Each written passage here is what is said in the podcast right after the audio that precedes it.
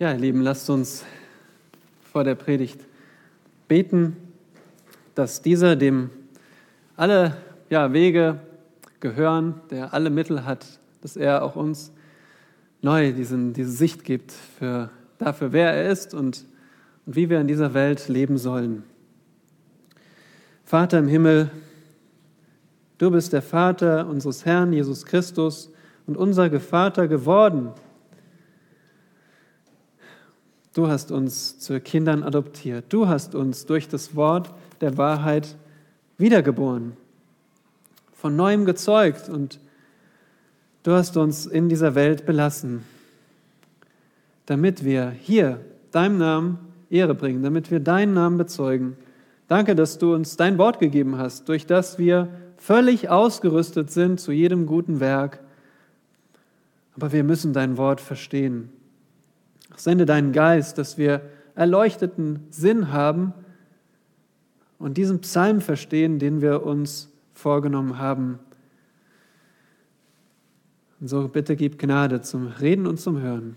Amen. Ihr Lieben, wir wollen heute einmal mit einem Quiz beginnen. Ein kleines Quiz für euch. Und ich fange gleich mal an mit der ersten Frage. Was kann an keinem Ort der Erde gefunden werden und ist trotzdem da? Frage Nummer zwei. Ihr merkt euch die Antwort. Was ist so alt wie diese Erde und dennoch der neuesten Erfindung überlegen? Dritte Frage. Was ist die eine Eigenschaft, durch die ein König die ganze Welt in Erstaunen bringt. Vierte Frage. Was ist ohne Kriegsgerät stärker als jedes Militär?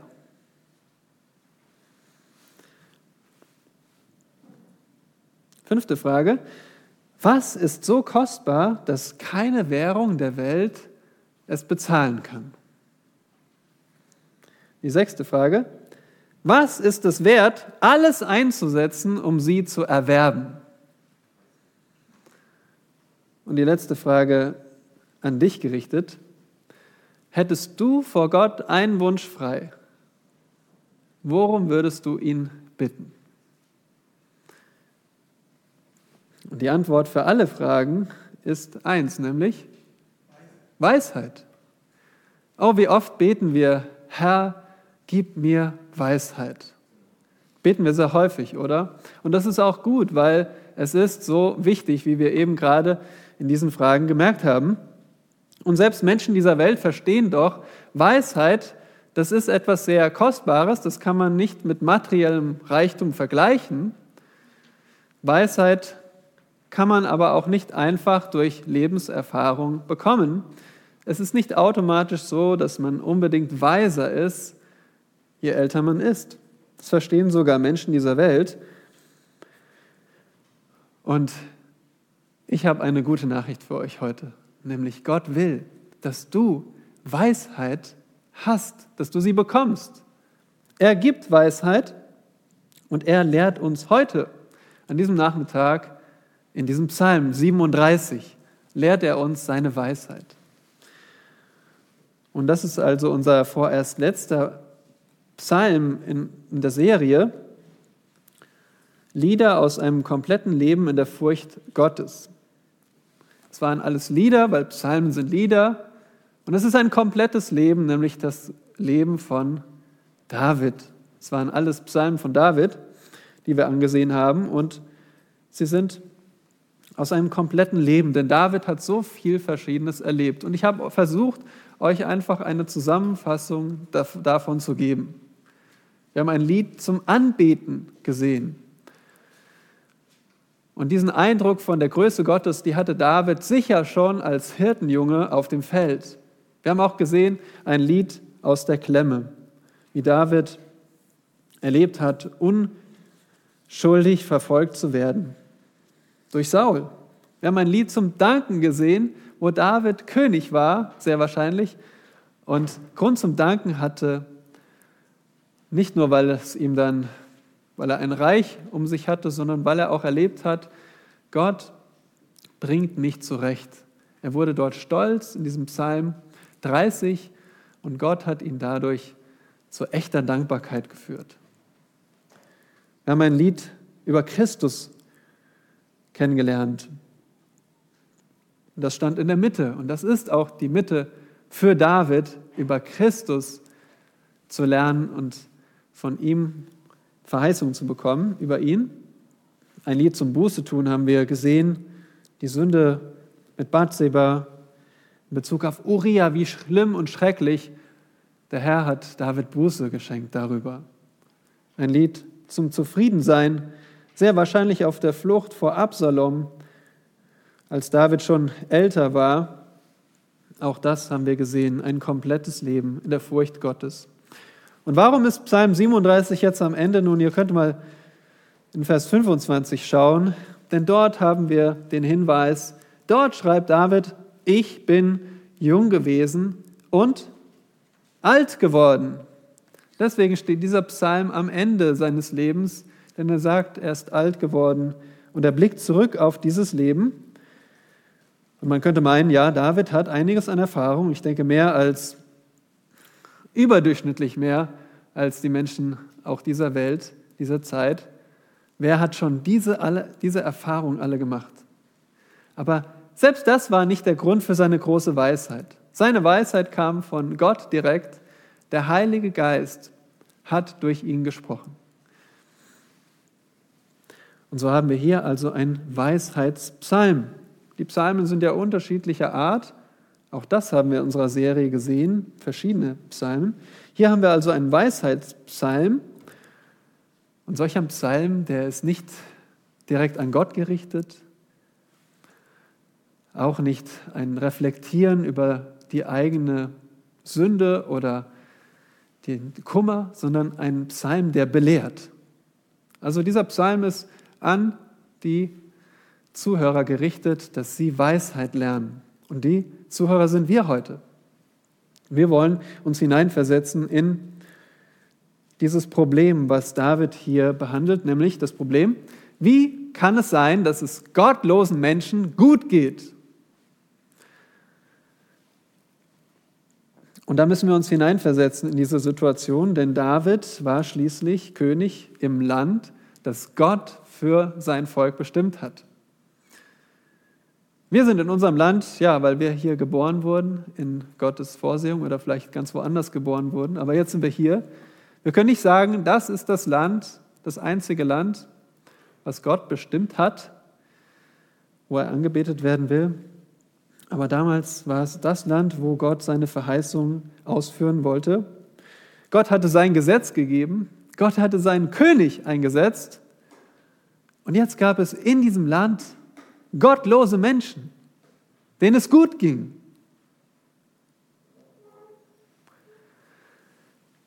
Und wir werden den Psalm nicht verstehen, wenn wir uns das darin nicht hineinversetzen können.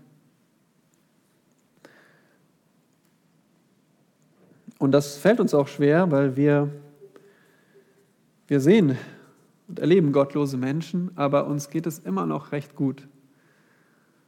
Aber wenn man sich vorstellt, unsere Glaubensgeschwister in der Welt, die verfolgt werden, die können das wahrscheinlich noch viel besser nachempfinden.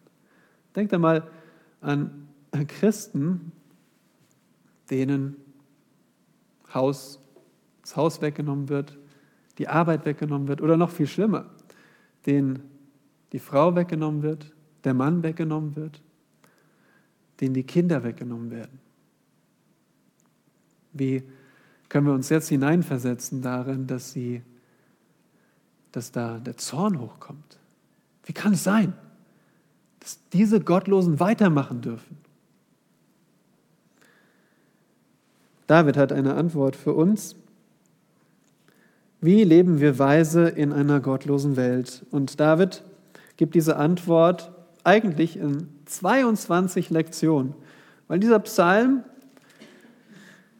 beginnt mit dem hebräischen A und endet mit dem hebräischen Z, also von A bis Z. Von A bis Z. Ein, eine runde Sache.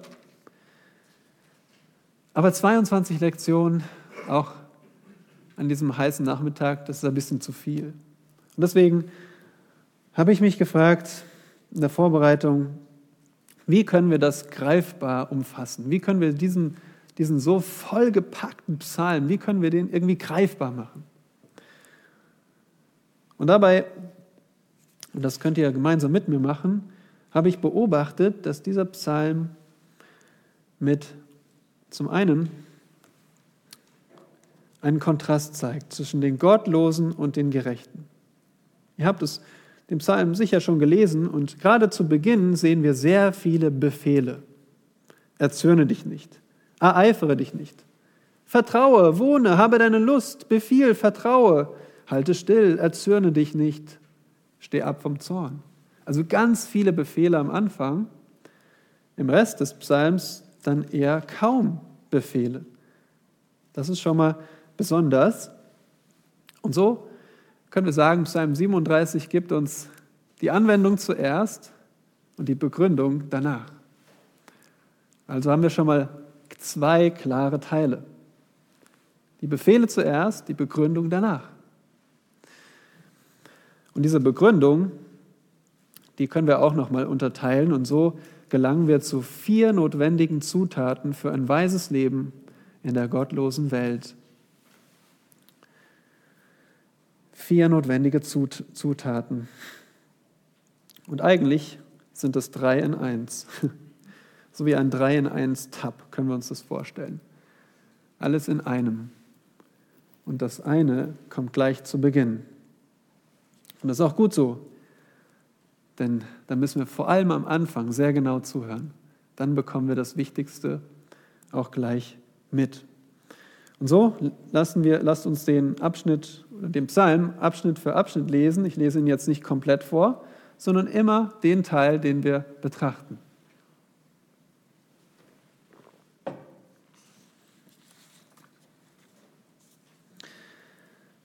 Die erste Zutat für ein weises Leben lautet ganz einfach, wende die Wahrheit im Leben an.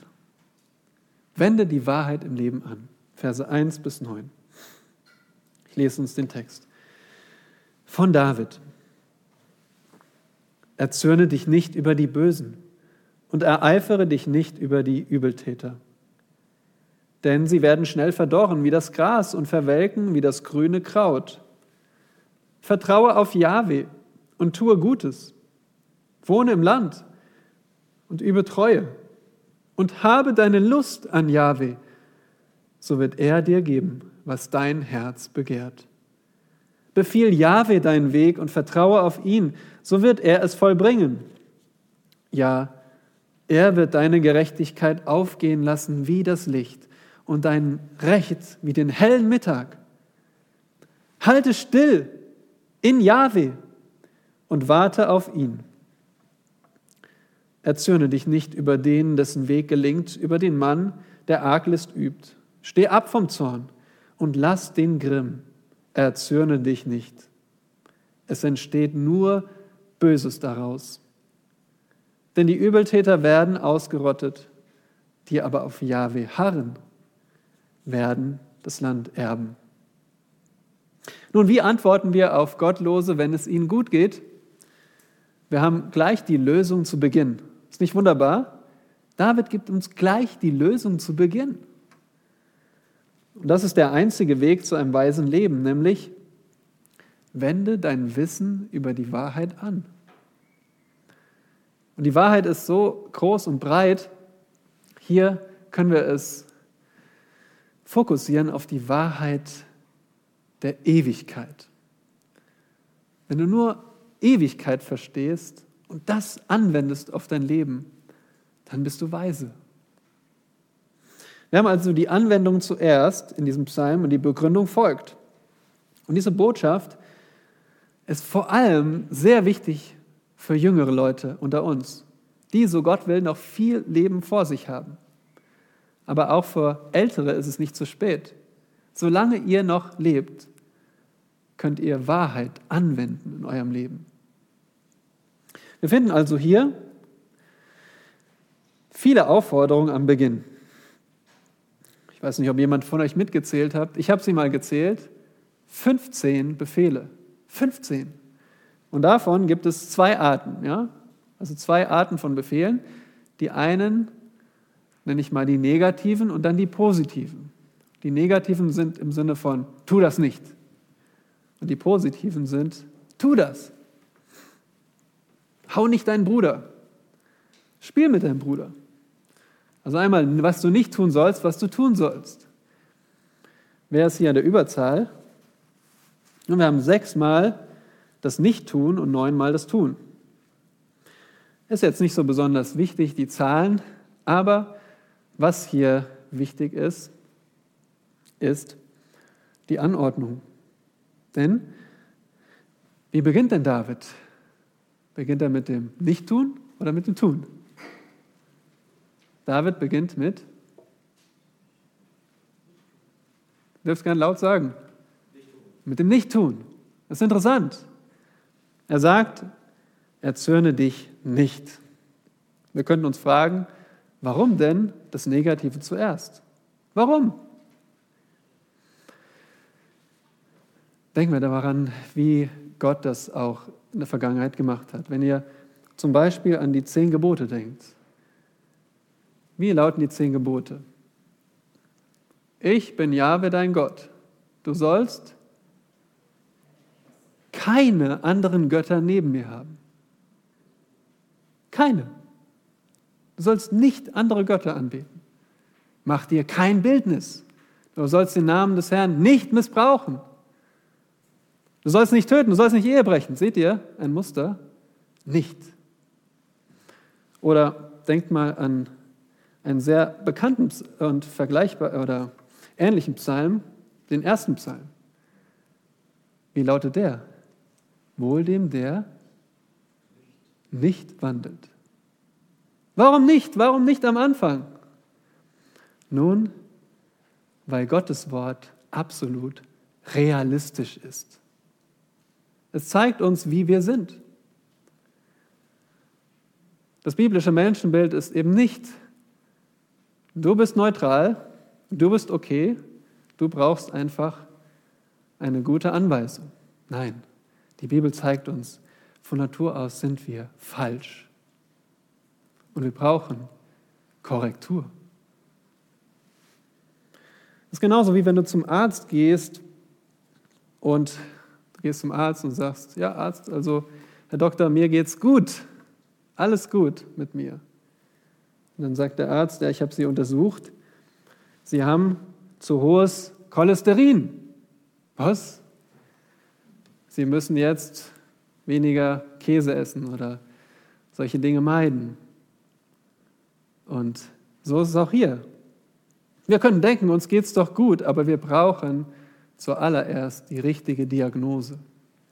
Und die Diagnose ist, dass wir alle, und er richtet sich hier an die Gerechten, an die Gläubigen David, dass wir alle ein Problem haben damit, uns zu erzürnen.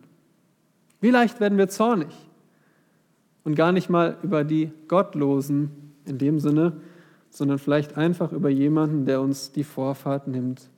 Oder über ein Kind, das nicht gehorcht oder ein Ehepartner, der nicht das macht, was wir uns wünschen, zornig werden. Ich will es aber nicht hier einfach herunterspielen, denn dieses Erzürnen hier ist nicht nur ein bisschen aufregen, okay? Also versteht es nicht falsch. Das Wort, das David hier gebraucht, ist wirklich ein Entflammen, ein brennender Zorn. Ja? Ein brennender Zorn, den auch David kannte. Wir finden zum Beispiel eine Situation, wo David richtig zornig wurde, das ist, als der Prophet Nathan zu ihm kam. Und er erzählt ihm diese Geschichte von dem reichen Mann, der dem Armen sein einziges Lämmlein nahm. Da entbrannte der Zorn Davids sehr gegen den Mann. Und was hat David gesagt? So wahr Jahwe lebt, der Mann, der dies getan hat, ist ein Kind des Todes. Dieser Zorn, diesen Zorn meint David, dieses Entbrennen, entflammen.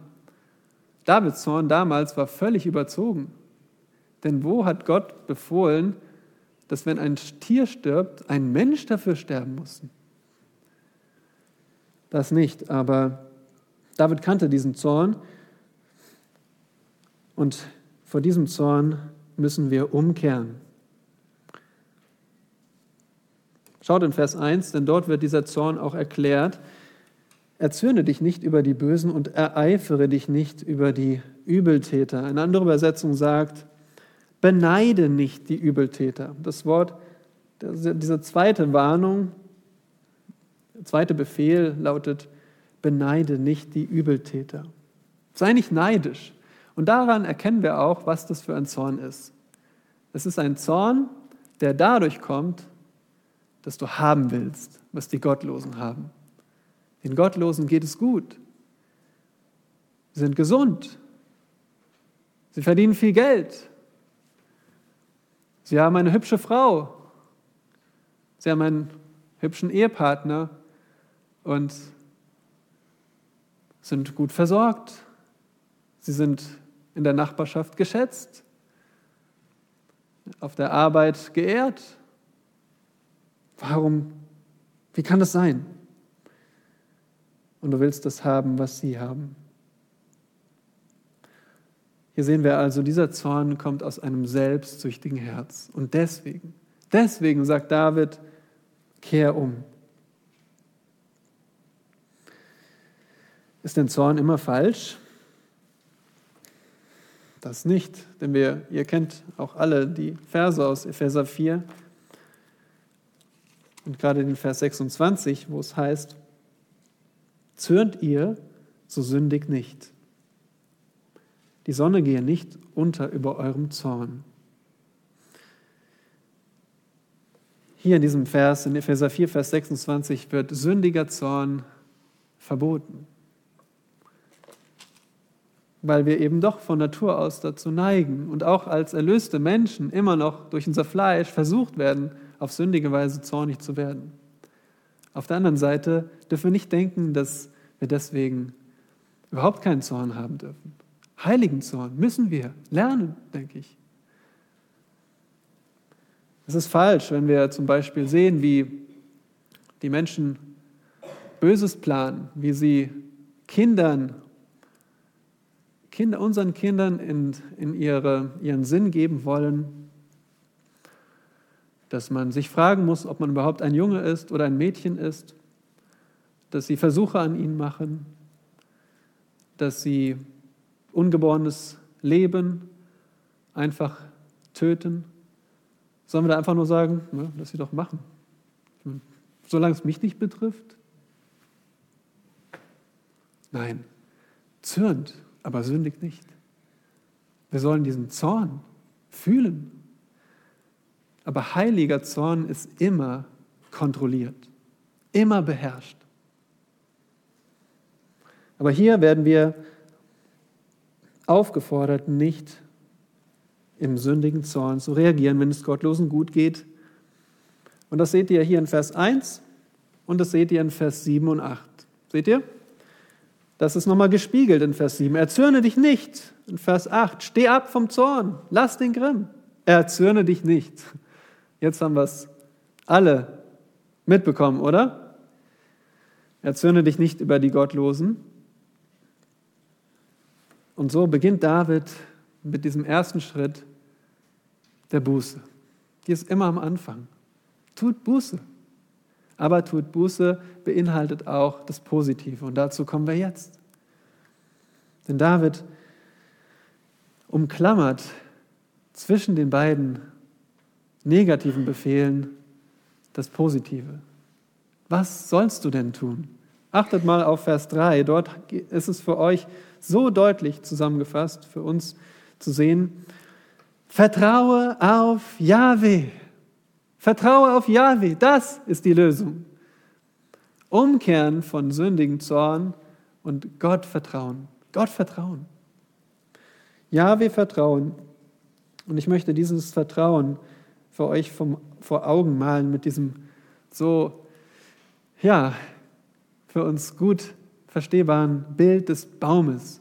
Stellt euch einen Baum vor und es ist, preist den Herrn, es hat geregnet und, und äh, wir können im Wald spazieren gehen und gerade gestern haben wir wieder äh, Bäume gesehen, die sogar am Wasser standen, an einem Bach gepflanzt waren. Und so einen Baum möchte ich, dass ihr euch den vorstellt. Ein Baum, der am Wasser steht und der grünt. So ist das Vertrauen auf Yahweh. Und dieses, dieser Baum, sein Vertrauen auf Gott braucht zuallererst und als wichtigstes die Bewässerung. Was ist die Bewässerung für dein Vertrauen? Das seht ihr hier in den Vers 4. Habe deine Lust an Yahweh.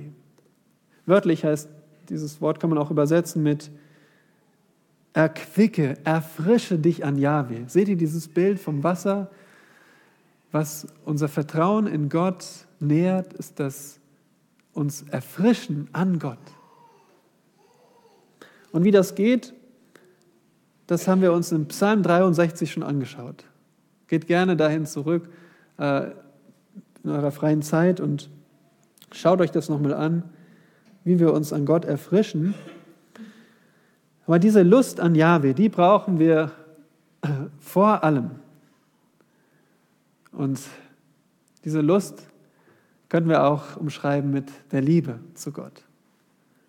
Weil er uns zuerst liebt. Weil er sich selbst gibt. Seht ihr, das Versprechen ist, wenn du deine Lust an Gott hast, dann wird er dir geben, was dein Herz begehrt. Hier könnten wir es falsch verstehen und sagen, okay, ich muss jetzt irgendwie das eine tun und dann kriege ich all meine Wünsche erfüllt. Nein, dann bekommst du genau das, wonach du begehrst, nämlich Gott. Dieser Vers sagt, wenn du nach Gott begehrst, dann wird Gott sich dir schenken. Habe deine Lust an Gott und er schenkt sich dir. Habe deine Lust, erquicke dich am Herrn Jesus und er schenkt sich dir. Das ist die Bewässerung. Aber jeder Baum wird gekennzeichnet durch Wachstum. Und das sehen wir als nächstes. Wie wächst das Vertrauen in Gott wie ein Baum? Das sehen wir hier in Vers 5. Dieser bekannte Vers, befiehl Jahwe deinen Weg, vertraue auf ihn. Und das ist dann so ein schöner, schönes Bild. Dieses Wort befiehl heißt so viel wie wälzen. Es ist dasselbe Wort, das zum Beispiel gebraucht wird, als, ähm, ich denke, es ist Jakob, wo er zu diesem Brunnen kommt und, und man sich fragt, wer wird uns den, Wein, wer wird uns den Stein hier von der Öffnung wälzen? Habe ich mir jetzt nicht aufgeschrieben, aber ähm, ich schaue es mal kurz nach. Jakobs Flucht. Ja, Jakob flieht und ah, da kommt er. Ein großer Stein lag über der Öffnung des Brunnens. Ich lese aus 1. Mose 29. Dann da waren die drei Herden Schafen und die mussten getränkt werden. Und ein großer Stein lag dort und sie pflegten alle Herden dort zu versammeln und den Stein von der Öffnung des Brunnens wegzuwälzen. Das ist dasselbe Wort hier. Befehl dem Herrn heißt so viel wie wälze deinen Weg auf Gott. Aber was bedeutet das denn jetzt für unser Leben? Nun, befehlen heißt also wälzen. Es bedeutet seinen Lebensweg, also nicht nur dein Morgen, sondern dein ganzes Leben auf wie ein Stein auf Gott zu wälzen. Und das ist Arbeit. Das macht man nicht mal einfach so. Ja? Also der Jakob hat nicht so gemacht, so, Stein weg. Der musste wälzen. Und so macht es Arbeit, wirklich immer wieder zu sagen, ich wälze mein Leben, ich wälze meinen ganzen Lebensweg auf Gott. Aber dann, wenn er dort ist, dann bleibt er auch da. Wenn du diese, diese Energie einsetzt, dann kannst du sicher sein, er wird es vollbringen. Das ist dieses Vertrauen praktisch. David sagt noch etwas anderes. Er sagt, halte still Also überlass es Gott, ordne dich ihm unter, warte auf ihn. Und schließlich kommen wir zu der Frucht des Baumes. Wenn du deine Lust an Gott suchst, wenn du deinen Lebensweg auf ihn wälzt und, und stillhältst, wenn Dinge nicht so laufen, wie du es dir vorstellst, dann wird eine Frucht entstehen. Und diese Frucht sehen wir auch hier, nämlich zum einen in Vers 3, tue Gutes, wohne im Land. Und übe Treue. Das ist die Frucht, die man in deinem Leben dann sehen wird, dass du Gutes tust, dass du im Land bleibst. Und hier ist natürlich das Land Israel gemeint, also ein gläubiger Mensch, trotz Gottlosen, blieb in dem Land, weil das war das Land, haben wir heute gelesen, wo Gott versprochen hat, da ist euer Erbe. Und, und dann heißt es, übe, übe Treue. Und hier erklärt Benedikt Peters sehr gut, dass man besser übersetzt mit Weide treu. Also im Sinne von hüte deine Schafe. Und das denken wir an David, wie er auch ein Schafhirte war. Also mach einfach deine Aufgabe treu weiter die du hast, deine Schäfchen, wenn du Hirte bist, deine Aufgaben, deine Kinder, deine Arbeit, dein Dienst, übe Treue.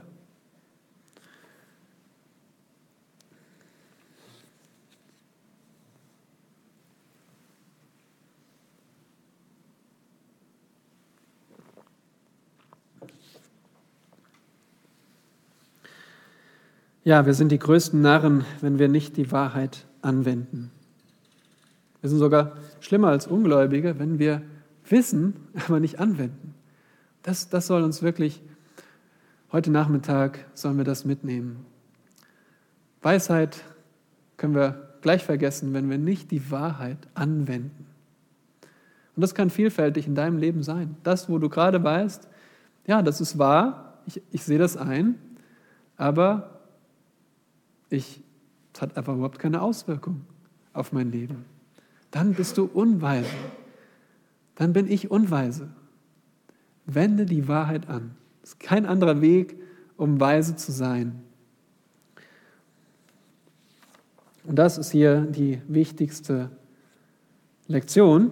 Das ist gleich die Lösung zu Beginn. Und jetzt kommen wir zu, den, zu der Begründung in diesem Psalm. Nächste ist das sind die Verse 10 bis 22. Und ich habe das mal so überschrieben mit diesem negativen Befehl, erzürne dich nicht über Gottlose, erzürne dich nicht über Gottlose. Ich lese uns die Verse. Nur noch eine kurze Zeit, so wird der Gottlose nicht mehr sein. Und wenn du dich nach seiner Wohnung erkundigst, ist er nicht mehr da. Aber die Sanftmütigen werden das Land erben und sich großen Friedens erfreuen. Der Gottlose heckt Pläne aus gegen den Gerechten und knirscht gegen ihn mit den Zähnen. Aber der Herr lacht über ihn, denn er sieht, dass sein Tag kommt. Die Gottlosen haben das Schwert gezückt und ihren Bogen gespannt, um den Elenden und Armen zu fällen und die umzubringen, die aufrichtig wandeln.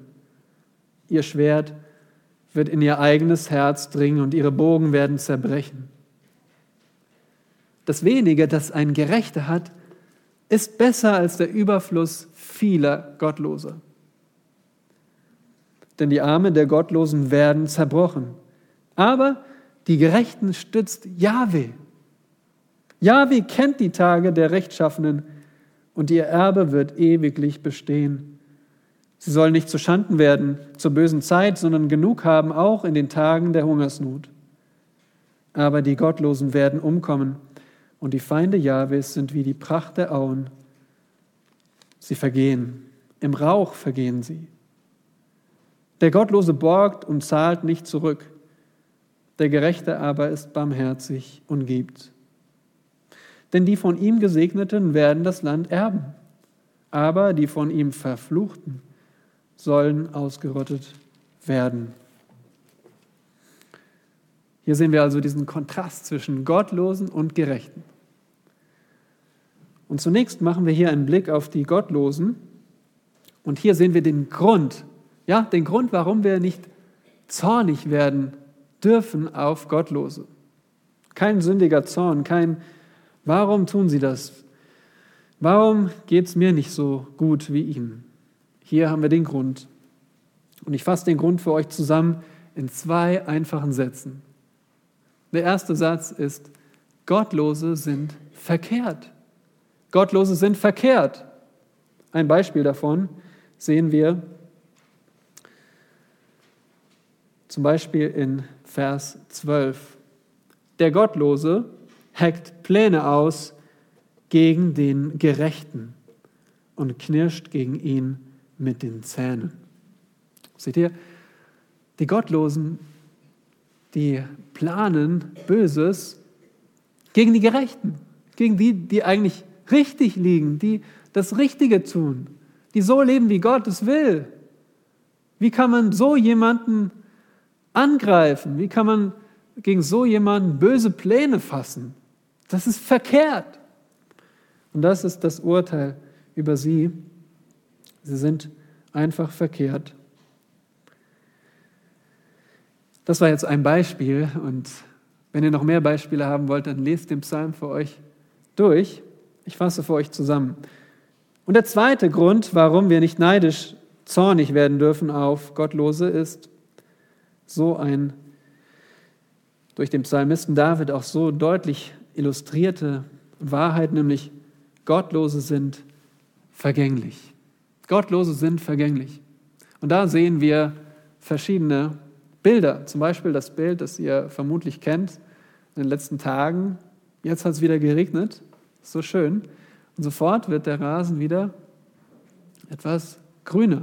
Aber wenn ihr euch erinnert, davor, an Anfang Juni, da war es so lange trocken und der Rasen einfach nur noch gelb, trocken, tut weh auf, unter den nackten Füßen.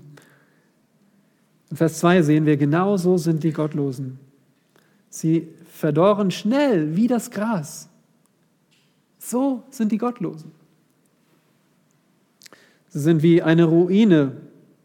Jetzt steht vielleicht eine Villa da und bald steht nur noch eine Ruine. Sie sind wie ein Schwert, das ins eigene Herz dringt. Da, denkt einmal an Davids Leben.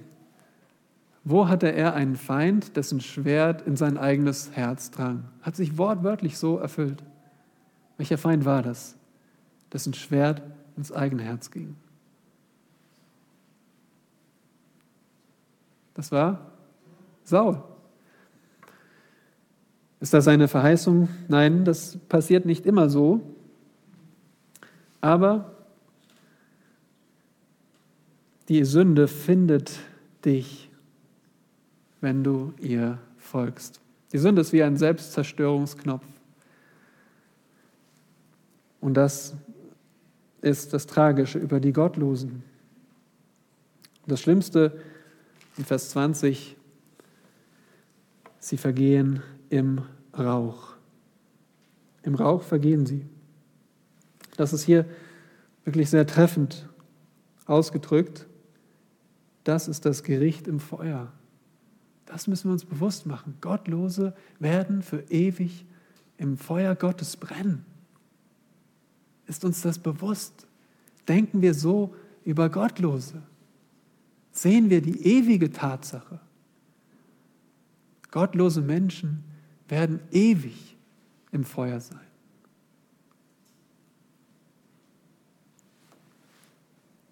David war es bewusst und das ist das Totschlag Argument gegen jeden Zorn über Gottlose aus einem neidischen Herzen.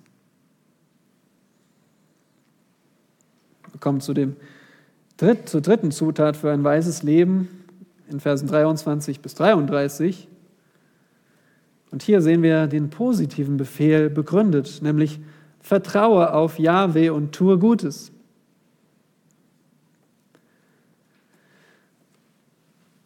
Vers 23. Von Jahwe werden die Schritte des Mannes bestätigt, wenn ihm sein Weg gefällt. Fällt er, so wird er nicht hingestreckt liegen bleiben, denn Jahwe stützt seine Hand. Ich bin jung gewesen und alt geworden, doch habe ich nie den Gerechten verlassen gesehen oder seinen Samen um Brot betteln. Er ist alle Zeit barmherzig und leiht gern, und sein Same wird zum Segen. Weiche vom Bösen und tue Gutes, so wirst du ewiglich bleiben. Denn Jahwe hat das Recht lieb und verlässt seine Getreuen nicht. Sie werden ewiglich bewahrt. Aber der Same der Gottlosen wird ausgerottet. Die Gerechten werden das Land erben und für immer darin wohnen. Der Mund des Gerechten verkündet Weisheit und seine Zunge redet Recht. Das Gesetz seines Gottes ist in seinem Herzen und seine Schritte wanken nicht. Der Gottlose lauert auf den Gerechten und sucht ihn zu töten aber Jahwe wird ihn nicht seiner Hand überlassen und ihn nicht verurteilen, wenn er gerichtet wird. Hier sehen wir immer noch den Kontrast zwischen Gottlosen und Gerechten, aber hier sehe ich mehr so diese Betonung auf dem Gerechten. Hier sehen wir Gründe für uns, warum wir Gott, dem Vater im Himmel, vertrauen müssen. Warum wir das gar nicht anders können. Der erste Grund ist, weil Gerechte von Gott bestätigt sind. Sie sind von Gott bestätigt. So wie es im Vers 23 heißt, von Jahwe werden die Schritte des Mannes bestätigt, wenn ihm sein Weg gefällt. Der Gerechte, der lebt so, wie Gott es will. Und, und Gott schaut auf ihn und sagt, genau so, stellt euch das vor. Gott sagt, ja, ja, so ist es richtig. Und es gibt viele verschiedene ja, Beispiele hier, die zeigen, wie der Gerechte genau das Richtige tut. Zum Beispiel in Vers 26, er ist einfach ein freigebiger Mensch. Er ist barmherzig, er leidet, der Gottlos will immer alles selbst für sich behalten, aber ein Gerechter gibt. Und das ist auch so schön an euch zu sehen, dass ihr gerne gebt, dass wir einfach einander geben, wenn einer was braucht. In Form von, ja, was wir Sachen, die wir gerne weitergeben wollen, Essen oder Zeit oder Hilfe. Das, das sind die Gerechten, die gerne geben, weil sie wissen, ihr Vater im Himmel thront über ihnen. Und er zweitens bewahrt sie. Sie sind nicht nur bestätigt, sondern auch bewahrt. Das sehen wir hier in Vers 24. Fällt er, so wird er nicht hingestreckt liegen bleiben, denn Jahwe stützt seine Hand. Wie hat David das erlebt? Ich habe gedacht, ja, ein, in mindestens einem Punkt seines Lebens ist er auch sehr tief gefallen. Natürlich, als er vor Absalom fliehen musste, da war wirklich sein Leben ganz deutlich in Gefahr. Aber Gott hat ihn gestützt, oder? Er hat ihn nicht dem Absalom übergeben. Der Gottlose wollte ihn töten, aber Gott hat ihn bewahrt. Und so tut er es mit den Gerechten. Und drittens sind die Gerechten von Gott beschenkt.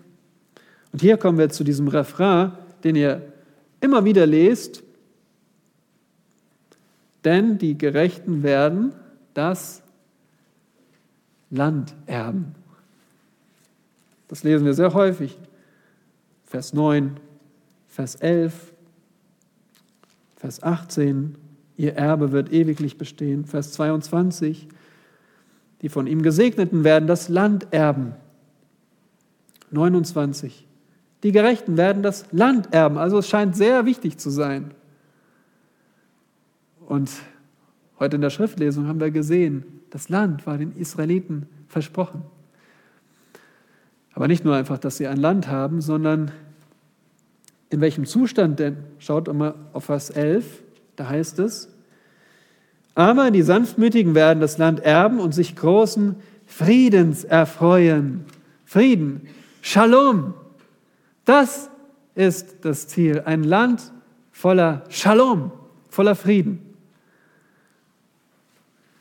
Jetzt sind die Israeliten in ihrem Land, aber es ist nicht Shalom da. Diese Verheißung ist immer noch ausstehend, aber sie wird erfüllt, dass das Volk Israel in ihrem Land sind als Gerechte. Ja? Die Gerechten werden dort sein und Shalom erleben. Wann wird das sein? Nun, dann, wenn sich erfüllt, dass einer von Davids Familie ewig auf dem Thron sitzt. Dann, wenn der Spross Davids regiert, auf dem der Geist Gottes ruht. Dann, wenn, wie es heißt, wie Jesaja verheißen hat, Löwe und Lamm zusammen wohnen. Wollt ihr noch mehr Beispiele haben? Dann lest Jesaja 11. Der Wolf bei dem Lämmlein, der Leopard beim Böcklein, der Löwe und das Mastvieh, die Kuh und die Bärin, alle zusammen, der Säugling und die Natter. Dann wird Frieden sein. Das, das ist die Erfüllung, die, auf die David hier schaut. Das ist das Geschenk an die Gerechten. Der Gerechte ist beschenkt, noch nicht, aber dann. Und deswegen vertraue auf Yahweh. Schließlich endet David mit einem Befehl, Vers 34, eine Ermahnung, wenn du ein weises Leben führen willst, harre auf Yahweh. Das finden wir in Vers 34 und ich lese uns die Verse bis Vers 40. Und es beginnt mit dem Harren auf Gott und es endet mit Gott, dem Retter. Harre auf Jahwe und bewahre seinen Weg, so wird er dich erhöhen, dass du das Land erbst. Wenn die Gottlosen ausgerottet werden, wirst du es sehen.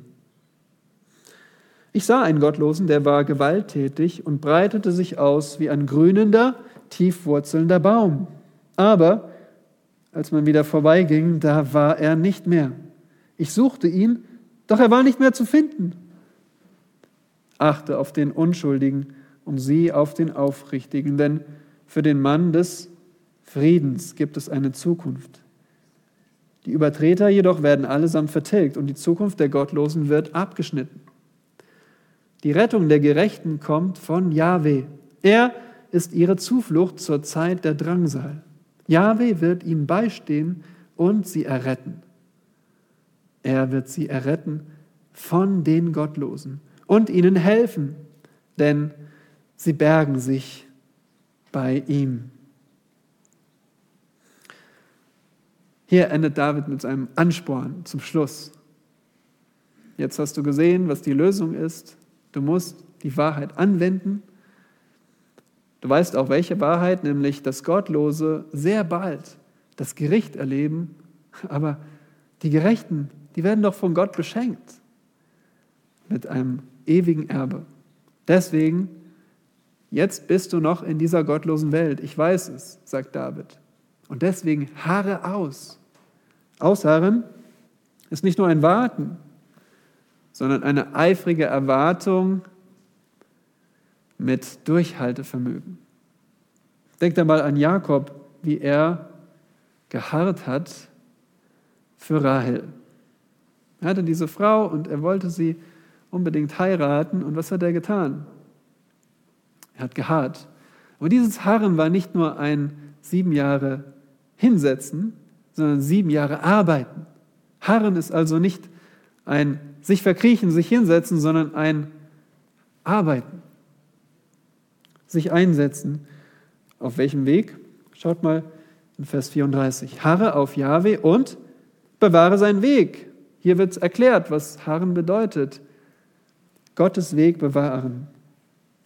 Und Gottes Weg, was heißt das? Nun, wenn man eben die Psalmen vergleicht miteinander und auch in Davids Psalm nachschaut, sieht man Psalm 18, Vers 22, da heißt es, denn ich habe die Wege Jahwes bewahrt und bin nicht abgefallen von meinem Gott, sondern alle seine Verordnungen hatte ich vor Augen und stieß seine Satzung nicht von mir. Also wie sieht Harren praktisch aus? Ich halte die Gebote meines Gottes. Ich bewahre und lebe nach seinen Prinzipien. Denn in der Schrift haben wir entweder Gebote direkt für uns, zürne nicht, zürne und sündige nicht, oder wir haben Prinzipien, wo wir sehen, anhand von Beispielen, so sollen wir nicht handeln. Ja. Und das ist der Weg auszuharren, sich nach Gottes Geboten und Grundsätzen zu, daran ganz festzuhalten, egal was kommt, egal was die Gottlosen uns auferlegen. Halte daran fest, an diesem Weg. Und schließlich kommen wir zum wunderbaren Höhepunkt in diesem Psalm, nämlich der Blick auf Gott als Retter. Schaut, wie häufig hier von der Errettung gesprochen wird, Vers 39. Die Rettung kommt von Yahweh. Yahweh wird sie erretten. Er wird sie erretten. Gott, unser Retter. Wovon rettet Gott? Nun, hier in diesem Psalm geht es um körperliche Errettung. Die Gottlosen haben das Schwert gezückt. Also konkreter kann es gar nicht sein. Da ist der Bogen gespannt. Herr, rette mich bedeutet, lass ihn nicht das Ziel treffen. Wann soll die Errettung passieren? Nun, David hat auch in seinem Leben Errettung erlebt, in der Vergangenheit. Aber jetzt ist er alt und sagt immer noch, die Rettung steht noch aus. Also David kannte die Rettung in der Vergangenheit, aber er wusste, auch jetzt brauche ich immer noch Rettung, brauchen die Gerechten Rettung. Die Zeit der Not, die Zeit der Drangsal, Vers 39, die ist immer noch da, solange die Gottlosen da sind. Aber wen rettet Gott? Schaut mal auf Vers 39 die Rettung der Gerechten. Wer sind die Gerechten? Und gerecht bedeutet, dass sie vor Gott gerecht dastehen. Dass sie eben kein Gericht brauchen. Wie geht das? Wir haben doch gerade gesehen am Anfang, wir sind alle von Natur aus falsch. Und selbst die Gerechten werden aufgerufen, nicht das Falsche zu tun. Sie können es immer noch tun und sie sind immer noch dabei, das Schlechte zu tun. Wie können sie denn gerecht sein? Wie können sie kein Gericht benötigen? Hier achtet auf diese Wahrheit. Im letzten Satz des Psalms. Denn sie bergen sich bei ihm. Wo habt ihr das schon mal gehört? Sie bergen sich bei ihm.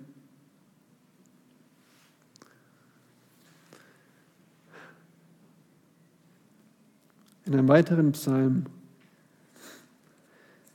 den laut Apostelgeschichte David geschrieben hat, Psalm 2, der endet genau so. Psalm 2, den hat uns André hier gepredigt vor ein paar Monaten. Jesus ist der wahre König der Menschheitsgeschichte, hat er es genannt. Er hat uns vor Augen geführt, dass der Messias, der Gesalbte Gottes, ist der Herr Jesus Christus, der König, der auf Zion regieren wird, der die Völker, die sich auflehnen gegen ihn, mit eisernem Zepter zerschmettern wird.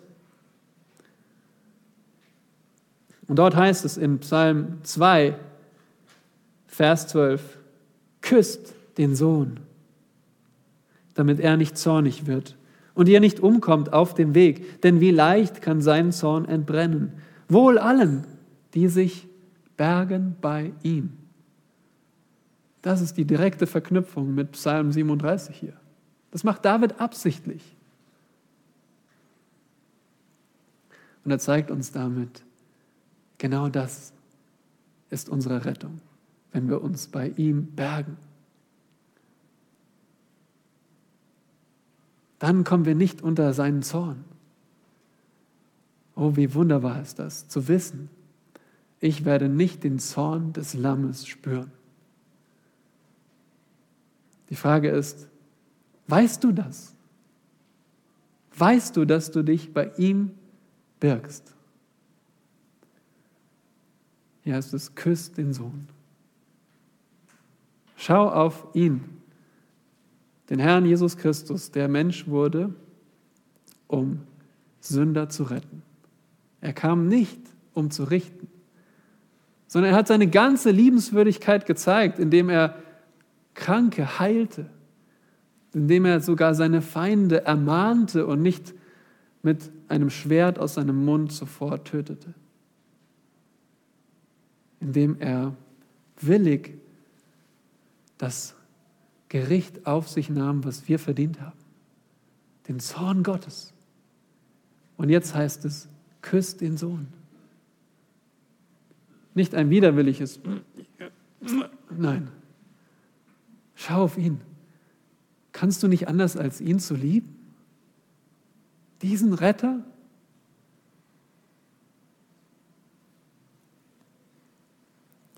Das bedeutet nichts anderes, als zu ihm zu kommen in Buße und Glauben, ihm deine Sünden zu bekennen und zu bekennen, dass du falsch bist, so wie du bist,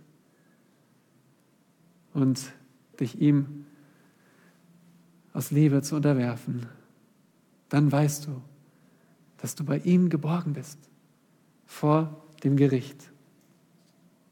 Amen. Herr Jesus, wir danken dir, dass du der Zufluchtsort vor deinem eigenen Zorn bist. Ja, dass du die Lösung bist für unsere Misere. Denn wir alle sind von Natur aus falsch und verdienen genau das, wie Gras zu verdorren und wie eine Villa zu zerfallen, wie ein Feld in Rauch aufzugehen. Aber du hast dich erbarmt. Vater, du hast deinen Sohn gesandt aus deiner Liebe zu Sündern, aus Liebe zu dieser Welt. Und danke, dass wir jetzt, heute, den Tag des Heils haben und zum allerersten Mal Buße tun sollen und dürfen. An deinen Sohn glauben, das ist unsere einzige Rettung. Und danke, dass du uns auch heute so deutlich zeigst, wie wir weise leben. Es ist nichts Neues, sondern auch immer weiter Buße und Glaube. Buße tun über unseren Selbstsucht, unseren Neid, unseren Zorn, aus einem neidischen Herzen und glaube an dich, dass du uns nicht fallen lässt, dass du deine Verheißung erfüllst, dass wir deswegen ausharren, deswegen dir gehorchen. Und so bitte lege du den Finger auf unsere Wunde, wo wir dir gerade ungehorsam sind. Zeig uns unsere Sünde, auf dass wir aus Liebe zu dir gereinigt werden von der Sünde und zu deinem Wohlgefallen leben in dieser gottlosen Welt. Amen.